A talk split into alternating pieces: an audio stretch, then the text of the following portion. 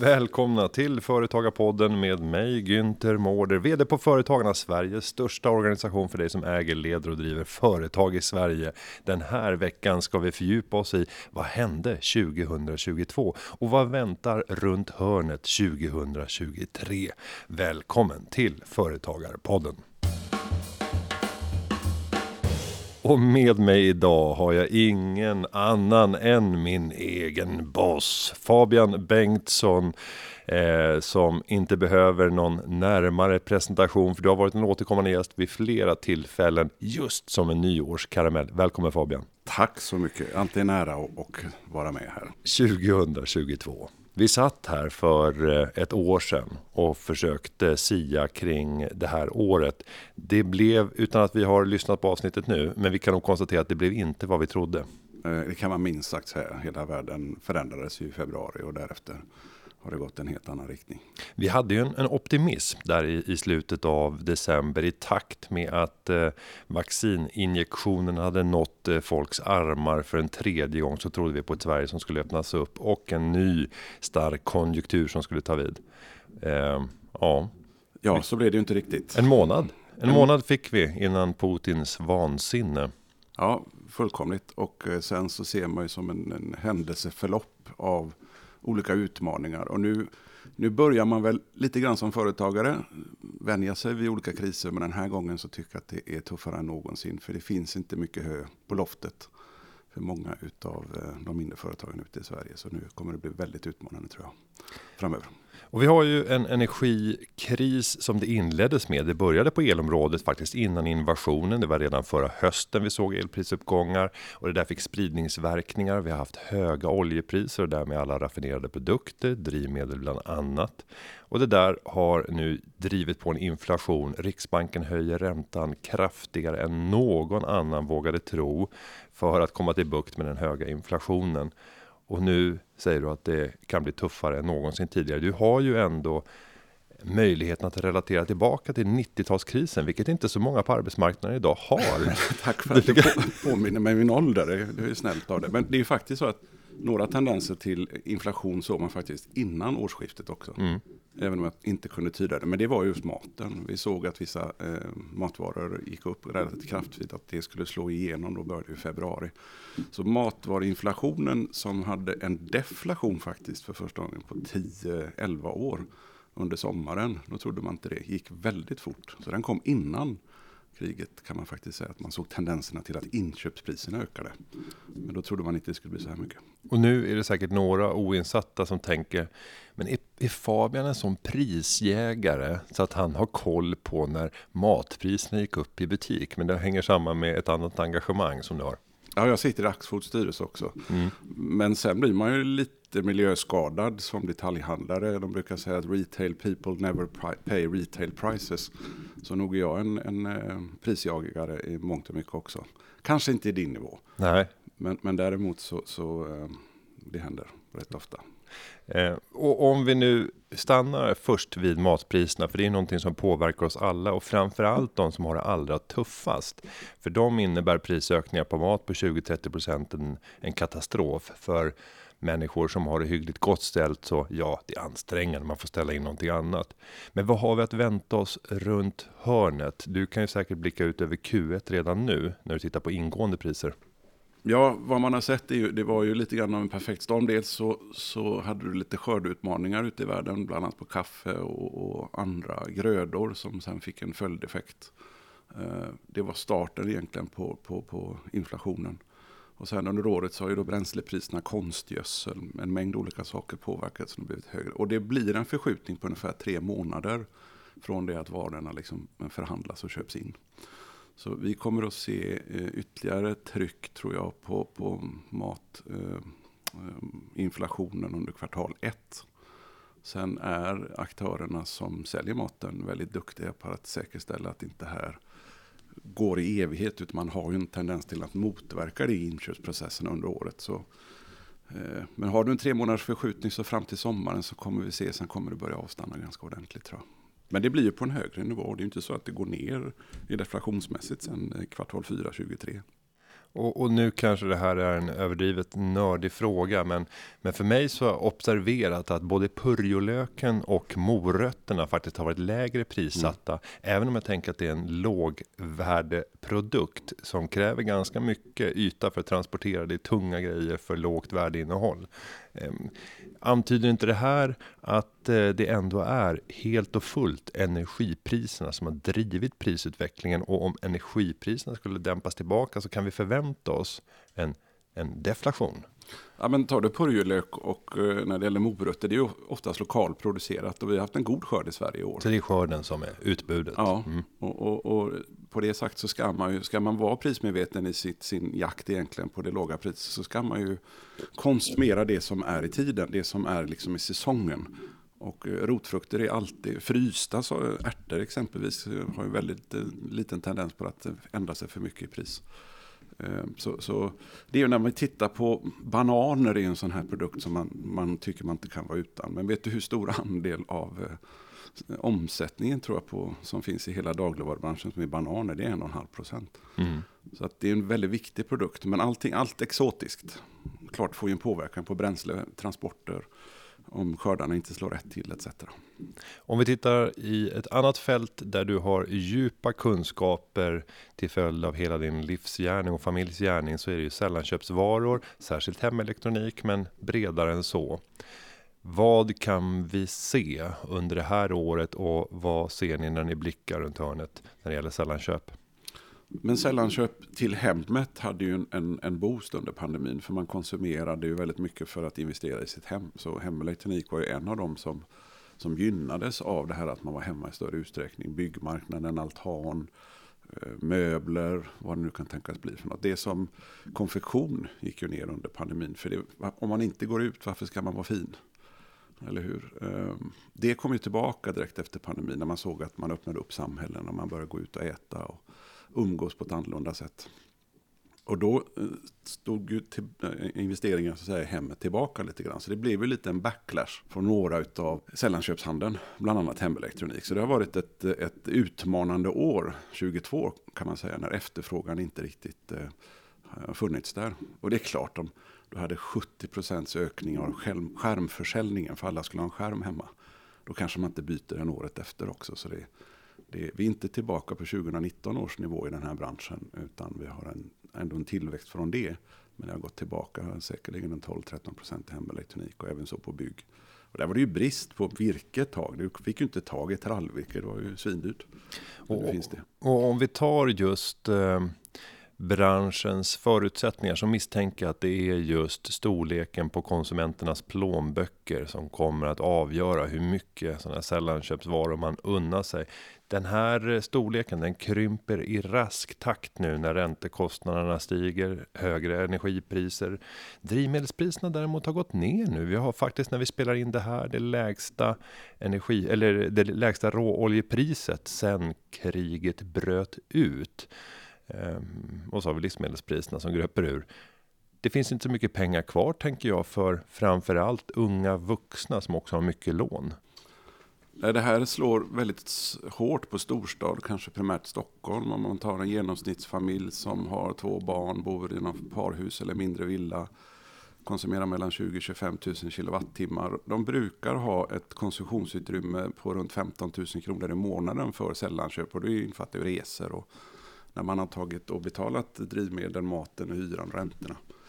Eh, så som vi tittar på det och räknar på det nu lite grann så är det ju faktiskt risk att mellan 80 och 90 procent av det konsumtionsutrymmet försvinner om elprisen håller i sig. Så där är den stora boven i eh, hela kalkylen. Och då har vi ändå kalkylerat med den räntan som vi besitter idag. Alltså den som senaste höjningen som är. Och det är klart, tar du bort 80 procent av konsumtionsutrymmet på sällanköp, då får du prioritera. Och det man prioriterar ner nu, det är ju sparkvoten.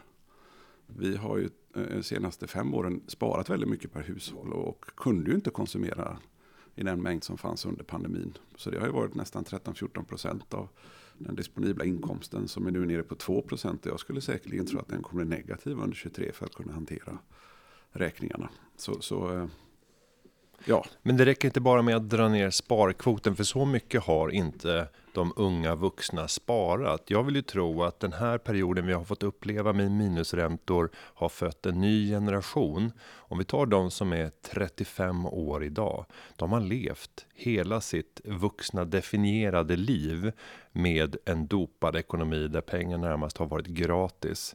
Det får ju till följd att man lever ett annat liv jämfört med hur de som är 40 eller 50 år levde sitt liv under samma period. Och vi har också haft boprisrusningar under perioden som har gett illusionen av eh, stigande förmögenhet som nu kanske försvinner i snabb takt. De här beteendeförändringarna tänker jag kommer att påverka rätt många småföretagare på andra sidan. För många av de här köpen som de här unga vuxna gör i storstäderna de levereras just av ett mindre företag. Det är restaurangbesöket, det är upplevelsen, det är salongen, det är resan. Hur all, alla de småföretagen än så länge, om man går i Stockholm här nu, bodde över här i natt, det är ju fullt på varenda restaurang. Mm. Julborden är fortfarande bokade, det är inte så att folk inte klipper sig. Så att jag fascineras över att den sortens konsumtion inte har ändrats än. Jag tror du kommer se en tydlig markering där egentligen i början av nästa år. Eh, men det är klart att du, du får ju ett beteendeförändring för en 35-åring. Vi ser ju det tydligt att man går och tittar på kampanjprodukter på dagligvaror eller man byter så att säga. Ett, eh, man går inte till hörnbutiken som man hade tidigare köpt sin mat utan man storhandlar i större utsträckning. Ehm, man minskar sin energikonsumtion ganska radikalt. Vad var det som kom ut igår? Att eh, vi hade 8% minskning av total elkonsumtion i november mm. i hela landet, 12% i zon 4. Så, så det där är ju liksom sån här parmiddagsdiskussion hur många kilowattimmar som det, du har dragit Den såg ner. man inte, den såg man nej, inte komma. Det, nej, det kände man mm. liksom inte att det kanske inte är topicen nummer ett. Men där är vi ju rätt duktiga som människor att förändra oss inför förutsättningar när vi ser faktum. Men än så länge har vi nog inte sett de stora effekterna vad det kommer påverka. Så det kommer bli tufft, ja. Jag tror att det kommer bli riktigt tufft fram till sommaren. Men sen kommer det komma en stabilisering. Och det här är ju inte den första krisen vi går igenom. Utan man kan väl härleda den som du sa så fint till att jag kände igen 90-talskrisen. Den var ju väldigt djup. Man glömmer väldigt fort. Finanskrisen 2008, då var det ju slut. Då fanns det ju liksom hela bankvärlden var ju på väg att gå under.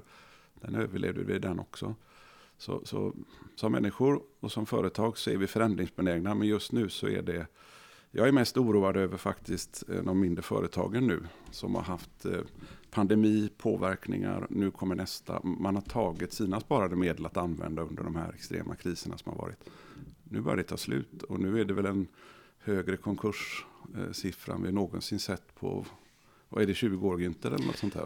Ja, när man tittar på novemberstatistiken så är det den högsta, den högsta konkursfrekvensen som vi har haft sedan april 2020. Ja.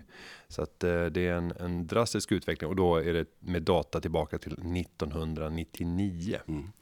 Så det är klart att eh, ja, det är, eh, det är dramatiskt. Om man eh, tittar vidare på börsen för att kommentera det. Vi har fått se ganska branta fall inledningsvis och vi har varit som värst nere på 30% ungefär. Därefter har det faktiskt vänt upp lite grann så att det inte är så mörkt som det var i, i juli till exempel eller den ytterligare sättningen som vi hade i september. Börsen brukar ju alltid ligga före ekonomin i övrigt. Får vi se en börsvändning enligt dig nästa år? Det tror jag definitivt, men, men jag, det kan komma sådana här ryck upp eh, och sen går det tillbaka lite. Jag, jag tror eh, industrin och exportindustrin har ju varit väldigt gynnad av den svaga valutan som vi har haft. Eh, den orderingången har fortfarande varit hög. Den kommer ju korrigeras ner tror jag under första halvåret. Vi har alla fastighetsbolagen som sitter väldigt högt belånade. Där har en mängd olika obligationer som är ute som ska finansieras till helt nya nivåer. Det, även om marknaden är före ibland så är den ibland inte det ska jag säga. De var inte förberedda på pandemin utan den skulle slå igenom först för att sen få effekt. Så jag är nog inte jättepositiv på aktiemarknaden de närmaste sex månaderna. Utan för folk, man håller i sina pengar. Mm. Eh, och vissa, 30% ner i snitt är en sak, men andra har ju gått ner 70-75%. Och det är klart, det är en korrigering som är väldigt kännbar. Eh, kanske en överreaktion, mångt och mycket tycker jag. När det finns mycket bra fundament av fina bolag som kan utvecklas och ha fina hyfsade kassaflöden i alla fall och inte en sån belåningsgrad som är nämnbar. Men jag, kan in, jag, jag är inte experten, där är du bättre än vad jag är. Mm. Du ska Men, testa en hypotes då. Ja. Följande inträffar. Om vi ser till Riksbankens eh, höjningar av styrränta nu, summerat till 2,5 procent sedan april eh, i år, så har det gått oerhört fort. Det är en, med, en, med en magnitud, sett att vi har gått från en nollränta upp till 2,5 procent på den korta perioden, så innebär det att effekterna kommer att bli stora, men de syns alltid med en fördröjning. Vi pratar om tidigaste effekterna ungefär tre månader efteråt, sex månader kan man se de betydande, nio kan man se kanske de fulla effekterna av räntehöjningarna. Eh, svenskarnas skuldsättning idag är sex gånger högre än för 25 år sedan. Svensk ekonomi har vuxit med tre gånger. Det här innebär att det har skapats en ny obalans, får man nog säga, om vi också betraktar att svensk ekonomi till majoriteten utgörs av hushållens konsumtion. Eh, och om det då har varit en, en tillväxttakt som har varit driven av ökad skuldsättning, även om det är på bostadssidan, så tror jag att effekterna nu kommer bli oerhört eh, kraftfulla. Hushållens konsumtionsutrymme kommer minska snabbare än man tänker, vilket kommer att utlösa en eh, större eller en högre arbetslöshet än vad Riksbanken, regeringen förväntar sig. Och det gör att man i slutet av Q1, början av Q2 har så pass mycket negativa signaler kring svensk ekonomi att man börjar justera räntekurvan. Kanske inte nödvändigtvis börja göra sänkningar. Man kanske undviker att göra den sista höjningen. Men i slutet av perioden så ser man att det är tydligare räntesänkningar. Det här får till följd att börsen får glädjefnatt, framförallt de kapitalintensiva verksamheterna. Så fastighetsaktier blir vinnare första halvåret 2023. Där fick du ganska konkret case ja. att ta ställning till.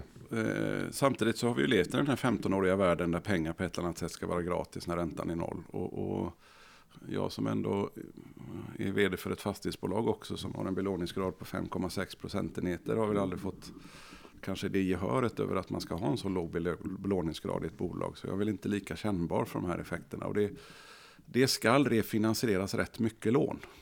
Eh, och, där är det väl en anledning att bankerna idag, storbankerna är väldigt välkonsoliderade. Det är en helt annan nivå på dem idag än vad det var under finanskrisen. Eh, det finns en helt annan regulatorisk enhet egentligen som övervakar. Eh, men klart exponeringen är stor. Att det blir glädjefnatt på, på alla fastighetsbolag, det, det återstår nog att se. Tror jag. jag tycker att det har varit extremt höga värderingar som kanske inte varit rimliga. Och mycket värden har ju byggts för att man har skrivit upp värdena på sina fastigheter mm. och genererat eh, resultat på det. Och det är klart om du köpte tegelhus i, i centrala storstaden på något sätt och du hade gilder på en och en halv eller en procent tidigare. Det är lite svårt i en räntemiljö som kommer vara två och en halv plus villkor. Um, att kunna leverera de nivåerna på, på fastighetsvärden. Så vi får se. Mm. Günther, klart som 17, de har blivit slagna på fingrarna ordentligt nu det här året. En viss korrigering upp. Men ett halleluja tillbaks till 2019-2020 års nivå, det, det tror jag inte vi ser 2023. Mm. Ja, och det är inte det jag förutspår, men däremot ett tydligt trendskifte. För det har ju varit oerhört mörkt. Tittar vi på de Eh, bolagen som har haft en stor obligationsfinansiering på fastighetssidan så har ju många av dem fallit 70% eller mer i värde under det här året. Medan de som har haft bankfinansiering och har trygga blandade bestånd så har nedgången stannat vid 30-40% ungefär. Ett snitt på 50 och det är lite väl kraftigt. Komma tillbaka till tidigare toppnivåer? Nej, det kommer inte hända. Då måste du ha samma dopad ekonomi igen. Eh, över tid, absolut. Men i ett kortsiktigt perspektiv en uppstuds. Och då pratar vi kanske då en 15-20% upp från nuvarande nivå. Tycker jag inte är otänkbart om vi ser för, för första halvåret. Eller fram till första halvåret nästa år. Men det är väl också, ser man på byggmarknaden kommer den ju bromsa in kraftfullt under första Absolut. halvåret. Och det i sin tur skapar den där balansen mellan efterfrågan och tillgång. Som gör att befintliga fastigheter kan få ett annat värde. Och, eller åtminstone komma upp. Så då, ja, beror ju på där. Vi har ju byggt en hel del. Jag bor i Göteborg. Det har ju varit en byggarbetsplats nu i sju år. Det är helt otroligt. varje gång man åker in till stan där så vet man ju inte vilken väg man ska ta. Det är alltid nya sådana här vägvisare. Jag, jag tycker kulmen var när jag skulle eh, åka in Österhamngatan eller det Nordstan och så stod det en skylt E6. Och för att åka till E6 var jag tvungen att åka igenom parkeringsgaraget på Nordstan. Då kände jag nu har vi kommit en bra bit på väg. Nu finns det ingen annan möjlighet i Göteborg än att komma till E6 genom att åka genom parkeringsgaraget. Nej, det är bra. Det, är bra. Så att, eh, det får se. Många av de projekten, och det blir ju en tendens nu när företag tittar över. Vad är det man gör i en sån här när kostnaderna ökar och inflationen. Det första är ju de eh, strategiska investeringarna som minskar ganska kraftfullt. Och det är väl att alla projekt som man absolut inte måste göra eller har påbörjat för att kunna fullfölja det avstannar ju. Eh, andra saker som man gör handlar väl om att tar man marknadsföring som ett exempel så blir det väsentligt mer taktisk marknadsföring som man säger. Alltså säljdrivande kampanjer och mindre varumärkesbyggande kampanjer. Om man tittar över hela capex-investeringarna i respektive bolag för att se, måste vi göra detta nu? Kan vi skjuta på det istället? Och det tror jag de flesta företag eller större företag idag tittar över sin investeringsbenägenhet. Och det i sin tur skjuter ju fram möjligheterna egentligen till tillväxt än längre. Så att eh, det, det får konsekvenser som till, till syvende och sist kommer nog få stor konsekvens tror jag som du säger. Att vi kommer se frigörelse av arbetskraft. Eh, blir fler arbetslösa under 2023. Ganska kraftfull sådan korrigering under första halvåret. Och där ser jag en stor skillnad när jag möter våra medlemmar, typiska småföretagare versus storföretagsledare som är externa vd och anställda. Där pratar man och presenterar i storbolagen om sparprogram. När jag möter vår vanliga medlem så ligger det i DNA att vrida och vända på varenda krona för att kunna stärka sin egen konkurrenskraft. Men storbolagen nu signalerar väldigt många omfattande sparprogram. När vi tittar på den svenska varuexporten så är det lätt att tänka att det är storföretagen som står för den. Men en majoritet av värdet i den värdekedja som finns bakom alla varor som skeppas ut sen i slutändan. Det är skapat av småföretagare. Finns det anledning att som småföretagare vara orolig om man befinner sig i leverantörskedjan till de stora exporterande företagen, inte minst inom tillverkningsindustrin? Ja, det är klart att du har Göteborg som ett exempel. Fordonsindustrin är en ganska stor industri i Göteborg. Vi har ju en väldigt låg, kanske landets lägsta arbetslöshet idag. Men Får inte de in i orderingången som finns där och då stänger de ju ner, de minskar sina skift och då får ju det konsekvenser i hela leveranskedjan. Så det är klart man ska vara orolig. Jag tror stora företag gör ju större korrigeringar. Alexanderhugg, sparpaket, eh, här ska 10% arbetsstyrkan bort och så applåderar marknaden det. Mm. Mindre företagare gör ju allting för att inte bli av med de få anställda som de har. De som nu säger vrider och vänder på allt. I sista hand så tar de väl sig själva och sin egen lön kanske eller ersättning för att kunna behålla folk. Och det där är inte hållbart över tid. Och det tycker jag väl kanske politiskt sett inte återspeglar en småföretagares vardag som är så viktig för svensk ekonomi. Att här gör man allting för att inte se till att frigöra människor. Nu tror jag man tvingas att göra det för att läget kommer att bli så pass svårt på många olika branscher. Och hur ska det då kunna hanteras? Jag tror inte man har sett konsekvenserna av det för det är ju de små företagen som har skapat jobb de senaste, vad är det, 15-20 åren. Ja, sedan 1990 har fyra av fem nya jobb ja, skapats av små och medelstora företag. Mm. Ja, då tar man oftast dem kanske politiskt lätt lite för givet. Att ja, det är väl bra att det är så. Men om den motorn inte funkar då? Hur ska vi då kunna eh, hantera alla de utmaningar som finns i samhället med ökade kostnader? Generellt för samhället. Bara den sak, ta alla kommuner nu som ska köpa mat till sin sjukvård och skola som kommer bli väsentligt mycket dyrare. Det kommer behövas mer resurser. Det enda sättet att få det är att få fler människor i arbete och skapa fler skatteintäkter den vägen. Och det, det, det är väl den största utmaningen jag ser på, på medellång sikt nu att kunna hantera eh, småföretagens möjligheter egentligen att behålla sin personal. Där måste det bli politiskt engagemang i den frågan. Vi tar nästa spaning. Den här lågkonjunkturen som nu eh, anländer kommer att innebära att många kommer att eh, förlora jobbet. Det kommer också att bli ett eh, snabbare skifte när det kommer till det som har synts under många år, det vill säga att människor lämnar den fasta tillsvidareanställningen till förmån för att börja sälja sig själv som egenföretagare på konsultbasis, ofta timbaserat. Och när vi kommer ut ur den här lågkonjunkturen och är i begynnelsen av nästa högkonjunktur så kommer den gruppen av eh, yrkesföra som försörjer sig som företagare vara den gruppen som har vuxit kraftigast av alla yrkesgrupper i ekonomin. Ja, det tyckte jag varit en fantastisk spaning. Ja, men tror inte att det stämmer?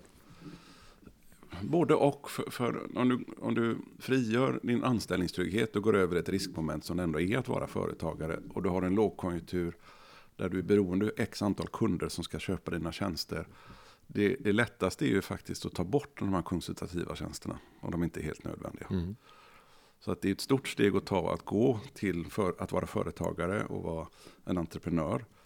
Eh, om man har haft en eh, tjänsteanställning som med en hög kompetens när efterfrågan viker. Så, så eh, jag hoppas att det blir så för att det är mycket mer dynamiskt. Vi har en arbetskraftskompetensbrist i Sverige. Och det finns så mycket duktiga människor som är inriktade på ett företags utmaningar. Som kan göra lösningen mer effektiv till flera företag genom att vara konsult och egenföretagare. Så, så jag uppmanar verkligen människor att ta steget. Är tiden rätt att göra det våren 2023? Jag hade nog avvaktat. Och jag ska säga varför jag levererar den här spaningen och den hänger samman med många vdars rädsla för konflikt och slapphet som jag möter ute i näringslivet och då pratar jag om de större företagen. Vad jag märker där är att man ofta lanserar program, program av sparkaraktär och sen går man ut och ger erbjudande till medarbetarna att anta möjligheten att få sluta med ett års ersättning och de som tar den där ersättningen, det är ju de som är helt säkra på att det är inga problem för mig att få ett jobb på någon annanstans eller att starta eget. Och det här blir som ett starta eget bidrag samtidigt som företaget som genomför det här sparprogrammet får se de starkaste krafterna gå ut genom dörren och de som har svagast möjlighet att återetablera sig på arbetsmarknaden, de blir kvar. Så det är egentligen vdarnas slapphet som kommer att föda tillväxten av nya entreprenörer. Vdarnas slapphet? Är du en slapp vd? Är det du säger? Men jag skulle aldrig erbjuda sådant program, det vet Nej. du. Jag har aldrig betalat en krona för att köpa ut en medarbetare någonsin i min karriär. Jag, jag tycker det är helt feltänkt. Då ska man ju coachas vidare och göra aktiva insatser för att hjälpa personen bort och inte ta de främsta krafterna och locka med ett erbjudande om ett års fri ersättning avräkningsfritt. Nej, men det där är ju en, en, en eh, oftast en marknadsåtgärd om du är i en, en noterad miljö. Mm. Det vill säga att du tar en åtgärd för att minska, dra ner din kostnadsmassa och sen så bokför du då en, en, en simulerad engångskostnad. Och sen ska det genomföras fort och då belönas du för det. Mm. Som vd i ett börsnoterat bolag. Rätt eller fel, kompetens går ur dörren men det är viktigare att få ordning så att säga på den kostnadsstrukturen så du inte ser vad kompetensen bakom kostnaden är. För jag menar det om du inte har kostnader har du aldrig några vinster. Du måste ju, och det är ju människor som skapar förutsättningar till att generera bra avkastning i bolag. Så den som får de här erbjudanden och väljer att gå en egen väg och öppna ett eget företag, det är fantastiskt att få ett starta eget-bidrag av en tidigare arbetsgivare. Det är bara att tacka och ta emot, tycker jag. Mm. Och det är väl någonting också som kan stimulera till hur vågar man ta risk liksom. Det här är ju ett sätt för någon att våga ta risk och gå vidare. Finns det fler människor där ute som jag vet nu en kompis till mig, hans, hans träffade han på vägen upp hit till Stockholm. Hans eh, fru har varit flygvärdinna många år. Det är en bransch som har haft lite utmaningar. Lite utmaningar kan mm. man lugnt säga. Och de har ju slagit knut på sig själva för att hitta lösningar för att ändra i personalstrukturen. Och hitta utflaggningar eller man har inhyrd personal och man ändrar liksom flygplansflottorna för att man inte är utbildad inom området vad det nu kan tänkas bli. Och så gick hon och, och blev eh, receptionist i några år. Och nu, nej, nu vill jag inte det här. Och tittar vad finns det efterfrågan? Ja, kustbevakningen. Kustbevakningen får inte människor att söka. Hon gillar att vara på havet, hon gillar att köra båt. Varför kan inte jag utbilda mig 9-10 månader egentligen och ha en anställningstrygghet som finns inom kustbevakningen? Fantastiskt tycker jag. Så den här, här att våga ställa om bara för att man är inställd och gjort någonting under x antal år och trys att det här behöver jag göra. Det är det tror jag man som person måste ställa in sig på. Att du måste hela tiden kontinuerligt utbilda dig, utveckla dig, kanske bli företagare i några år, ha en annan anställning. Titta på där det finns jobb. Att inte bara säga jag vill det här, ja men det kanske är bra. Men det finns inte faktiskt efterfrågan på de arbetstillfällena just nu. Om vi går tillbaka till eh, hösten, 1 oktober så lanserades det omställningsstöd som innebär utbildningskomponenter eh, som gör att en enskild anställd kan få eh, en ganska betydande summa för att kunna utbilda sig och ta tjänstledigt för att antingen fortsätta på, det befintliga företaget eller ta sig vidare. Efterfrågan på det här eh, utbildningsstödet blev större än man någonsin hade kunnat eh, befara. Kanske var lite generöst utformat. Och det här var en del i eh, den moderniseringen av LAS som faktiskt fanns i januariavtalet och som vi från företagarnas horisont inte är särskilt imponerade över. Vi tyckte att det var slapphämt av regeringen att inte trycka på och faktiskt våga fatta beslut utan att delegera det här till Svenskt Näringsliv och PTKs uppgörelse som såklart tog eh, sikte på sina egna medlemmar. Det hade jag också gjort om jag bara hade som uppdrag att förhandla fram en lösning. Medlemmarna först, alla lägen. Mm. Men det här tyder ju ändå på att det finns ett sug efter att utbilda sig hos många av de som befinner sig i, arbetskraft, i, i arbetskraften idag. Eh, är det ett tecken på att många vill vidare? Att man är missnöjd med var man befinner sig? Ja, jag vet inte om man ska kalla den svenska modellen över att ha samma anställning under 30 års tid och så får man en guldklocka och en klapp på axeln och tack för, för gott arbete. Eh, Danmark som vi har erfarenhet av är ju en helt annan rörlighet där på arbetsmarknaden. Alltså fyra, fem år och sen så byter man jobb och man säger upp sig själv och man blir uppsagd. Och det, det, det är bra med förändring. Så det här är någonting att människor tar till sig att jag, jag vill kunna förändra mig, jag vill förkovra mig, jag vill få tuggmotstånd, jag vill få en annan inställning, lära mig någonting nytt, komma in på nytt. Det är ju fantastiskt, för det är verkligen det som vi behöver i svenskt samhälle. Att inte tro att ett jobb för hela livet är lösningen. Det är det inte. Utan vi måste vara anpassningsbara, för verkligheten ser annorlunda ut imorgon än vad den var idag eller igår. Så eh, på så sätt så tror jag man får tilldela än mer resurser för att få människor att våga ta steget. Att utbilda sig kontinuerligt. Då måste man göra det där det finns efterfrågan. Kanske inte göra det för att jag vill uppleva mig själv eller jag vill gå en konstkurs och lite, eh, liksom lära mig det eller mima eller någonting annat. Utan det måste ju finnas ett värde både för företagen och samhället i, i den omställningen som är för att man ska utbilda sig. Då har det nytta. Hur får man den pricksäkerheten? Egentligen får man ju titta på det där det finns en efterfrågan. Vården, bra mm. exempel. Vi har försvaret nu som är en annan som jag tycker liksom kommer behöva mycket administratörer. En scale-up, alltså en, ja. en dubbling av försvaret nästan de närmsta åren. Det är en brutal tillväxt som aldrig tidigare har skådats utanför krigstid. Eller? Kommer behövas mycket med personella resurser, hur man hanterar större grupper av människor, hur får man motivation. Så det finns ju en mängd olika områden som skalar upp nu den närmaste tiden som, där det finns möjligheter att hitta bra utveckling. Så är det av ondo att man, man ställer om? Jag tycker det är definitivt en nödvändighet för att kunna vara, möta framtidens krav. Alltså mer av den sorten, ska jag vilja säga, och inte inlåsningseffekter istället. För det, det funkar inte med inlåsningseffekter. Då blir det mindre och mindre och mindre som skapas. Jag läste något i tidningen idag faktiskt, där Boston Consulting Group hade gjort en utvärdering om det här med hybridarbete och hur fruktansvärt ineffektivt det blir och den funkar absolut inte i den svenska mm. konsensusmiljön. Att man tappar effektivitet och man, man, det tar längre tid och du är inte beslutsför. Och, och det där måste vi nog forska mer in på, för nu är ju det ett krav från många att ha en högre flexibilitet. Fördelen med det är ju såklart att det sociala pusslet är lättare att lägga. För barnfamiljer exempelvis med hämta och lämna. Men om det går på bekostnad av företagens effektivitet och utveckling, då kommer ju de jobben också försvinna över tid.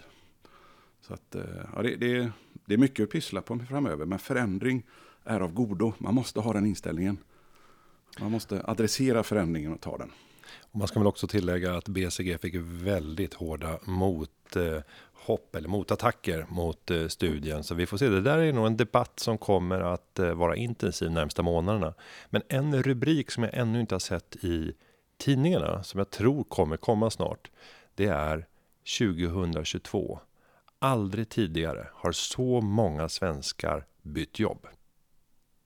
Mm. Det är det högsta talet någonsin i svensk historia. Och, och det, det, kan ju vara så här en, en lite lek med siffror, för ja, det har aldrig jobbat fler eh, i Sverige. Så det, det, där har vi en faktor som stör lite grann. Men rörligheten på arbetsmarknaden har gått från att vara oerhört låg under pandemin. Väldigt få bytte arbetsgivare under 2020 och 2021. Och 2022 så har vi sett stora rörelser. Och det får mig utan att ens behöva titta på statistiken och säga att aldrig tidigare i svensk historia har så många bytt arbete under ett enskilt år. Nej, men det är en trippelsmäll som man står som hushåll eller som person idag. Du får en reallönesänkning i form av en hög inflation och du får ökad kostnadsstruktur genom att det är matinflation, energipriser etc. som finns där.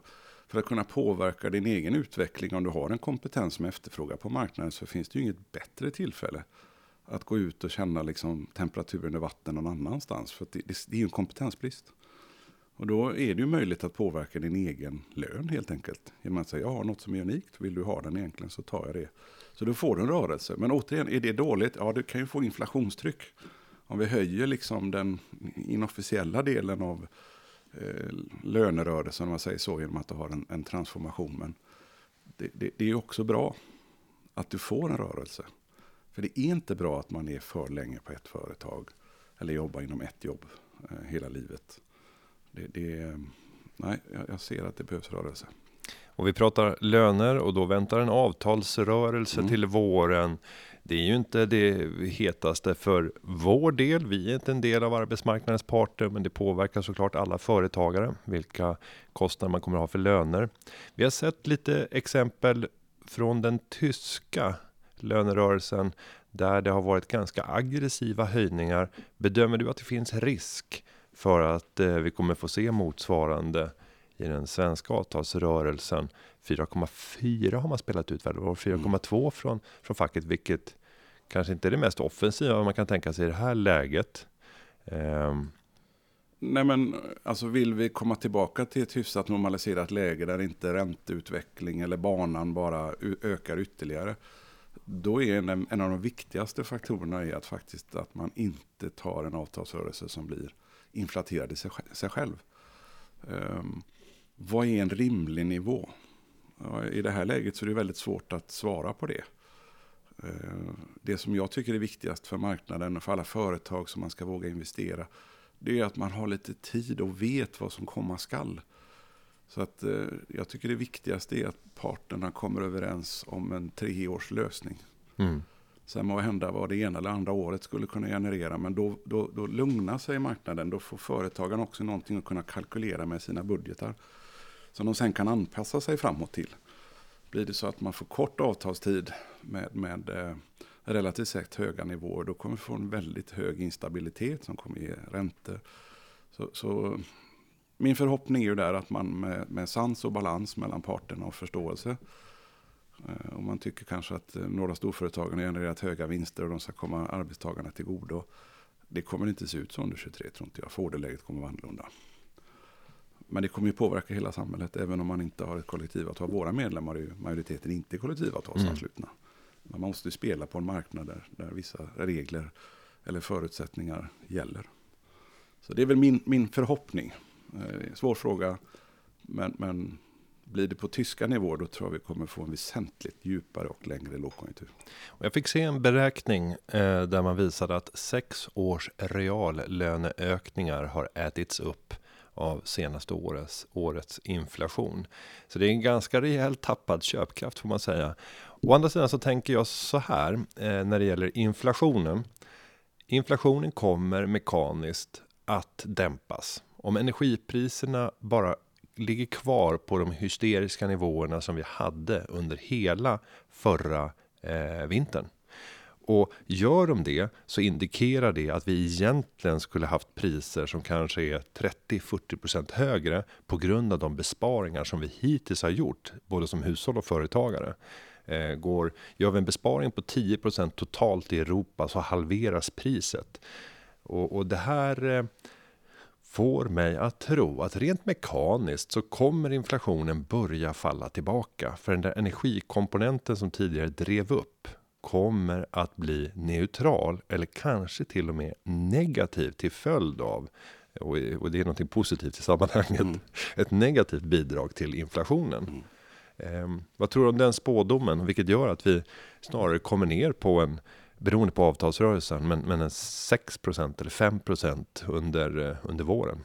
Ja, men det, jag tror det är högst rimligt. Återigen, den förändringen som vi ser i elkonsumtion nu är ju helt beroende av vilken kyla vi kommer att nå, om det finns vind eller inte om det är ett högtrycksbetonat väder som det är idag i Stockholm där vi sitter, då snurrar ju inte våra vindkraftverk speciellt bra. Och sen har man utmaningar med några kärnkraftverk som är under underhåll. Och eh, det är inte så många timmar på dygnet som solen lyser för ett emot det andra. Så får vi det nu under en och en halv månad egentligen, då, då, då ser jag väl utmaningar om vi inte har vind. Eh, energipriserna när det gäller, det är den här, de satte ju tak nu på rysk olja som är 60 dollar. Det trodde man skulle väl skjuta upp Eh, priset på råoljan, vilket det kanske inte gjort än. Eh, och sen har du då den inflationen. Nu är det ju, det är ju sex, alltså 65% alla företag har ju höjt priserna med 4%. Gör man det liksom bara för att man tycker det är roligt att höja pris? Ja, det gör man inte. Du har ju faktiskt kostnader som har utvecklat sig. Och det finns förskjutningar på det också. Tar du matvaruproduktionen så är det ju konstgödsel står ju för en stor del utav eh Eh, kostnaden för att producera. Men det köptes ju in konstgödsel alltså mångt och mycket 21 för 22 års eh, eh, produktion. Nu ska man köpa konstgödsel alltså för 23 års produktion och nu kommer verkligen effekten på att hantera det. Ehm, så ja, jag hoppas att det är så. Det kommer inte bli den, den här 9-10-procentiga inflationen under första sex månader. Vi kommer balansera ner det som du säger någonstans 4-5. Och sen tror jag att vi kommer se en mer harmoniserad bild på mellan kanske 2-2,5 procent slutet av året. Och det ska du ligga enligt den räntebanan som man har sagt på Riksbanken att då är det rimligt för att försvara 2 målet. Eh, man ändrar beteende, du kör mindre, eh, du använder drivmedel mindre, du använder mer elproduktion och du köper billigare mat. Mm. Eh, det blir ju så. Nu är ju kampanjvaror det som är det väsentliga. Du kan köpa prinskorv året runt bara det är billigt. För det är ju en proteinkälla. Och du är duktig på att jaga mm. de lägsta av priserna. Så det går ju faktiskt att hitta dem. Mm. Och det är ju klart att det finns ju en förskjutning där om man har en inflation på inköp på mat och sen så har inte den slagit igenom till hushållen. För det här är också en konkurrensbild mellan de olika parterna. Men det, det, det jagas lågpris. Lågpris kommer att ha... Och för att kunna ha lågpris måste du ha låga kostnader. Det är liksom eh, det enda tricket du kan ha. Och den med lägst kostnader kommer ju vara den som har lättast att hantera Eh, efterfrågeminskningar för att få fler kunder. Ja, det väntar ett spännande år runt hörnet. Eh, man brukar som ekonomisk eh, tänkare och tyckare alltid säga att det har aldrig varit svårare än nu att förutspå framtiden. Men nu gäller verkligen det. Så där kan man inte riktigt säga. Jag tycker att det faktiskt är är kanske lite lättare just på grund av den här inflations inflationsmekaniska effekten som jag bedömer ändå kommer slå in. Men vi får se. Eh, osvuret är bäst. Fabian, jag ska, jag ska säga stort tack till dig för att du mm. kom och delade med dig av dina eh, insikter och utsikter för både 2022 och 2023. Stort tack. Jag tror från våran sida, eller jag bara ska avsluta, så återigen, vi har varit igenom mängd kriser de senaste 50 åren och vi har lyckats komma ut ur dem starkare. Vissa får det svårare, men, men de flesta av oss är starkare, vi är förändringsbenägna. Jag tycker att glaset är halvfullt. Precis som du säger så är det ett antal element man kan adressera nu. Pandemin hade man ingen aning om man ska adressera. Det visste vi i efterhand nu att det gick.